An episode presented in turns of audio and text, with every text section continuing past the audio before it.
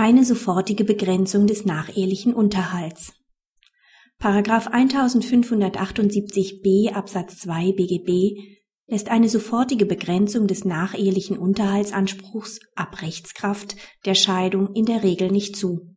Dies gilt auch bei einer Trennungszeit von circa zweieinhalb Jahren mit korrespondierender Zahlung von Trennungsunterhalt. Die Parteien heirateten 1999. Die Ehe bleibt bis zur Trennung im Februar 2006 kinderlos. Der Scheidungsantrag wird im Juni 2007 zugestellt. Die Frau beantragt Prozesskostenhilfe für die Geltendmachung nachehelichen Unterhalts. Das Amtsgericht weist den Antrag zurück, da die Frau keine ehebedingten Nachteile erlitten habe und in ihrem erlernten Beruf tätig sein könne. Das Oberlandesgericht gibt der sofortigen Beschwerde der Frau statt. Nach 1578b Absatz 2 BGB ist der Anspruch zu begrenzen, wenn ein zeitlich unbegrenzter Unterhaltsanspruch unbillig wäre. Schon der Wortlaut der Norm steht einer sofortigen Begrenzung entgegen. Eine zeitliche Begrenzung setzt denknotwendig einen begrenzten Zeitraum voraus, in dem Unterhalt geschuldet wird.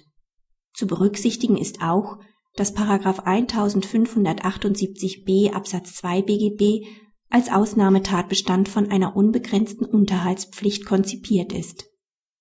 Ein Ausschluss des Aufstockungsunterhalts von vornherein ist daher nicht möglich.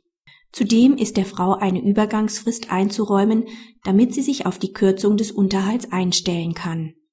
Ob eine sofortige Begrenzung bei einer langen Trennungsdauer und Zahlung von Trennungsunterhalt möglich ist, bedarf keiner Entscheidung, da eine vorliegende Trennungsdauer von rund zweieinhalb Jahren nicht lang ist.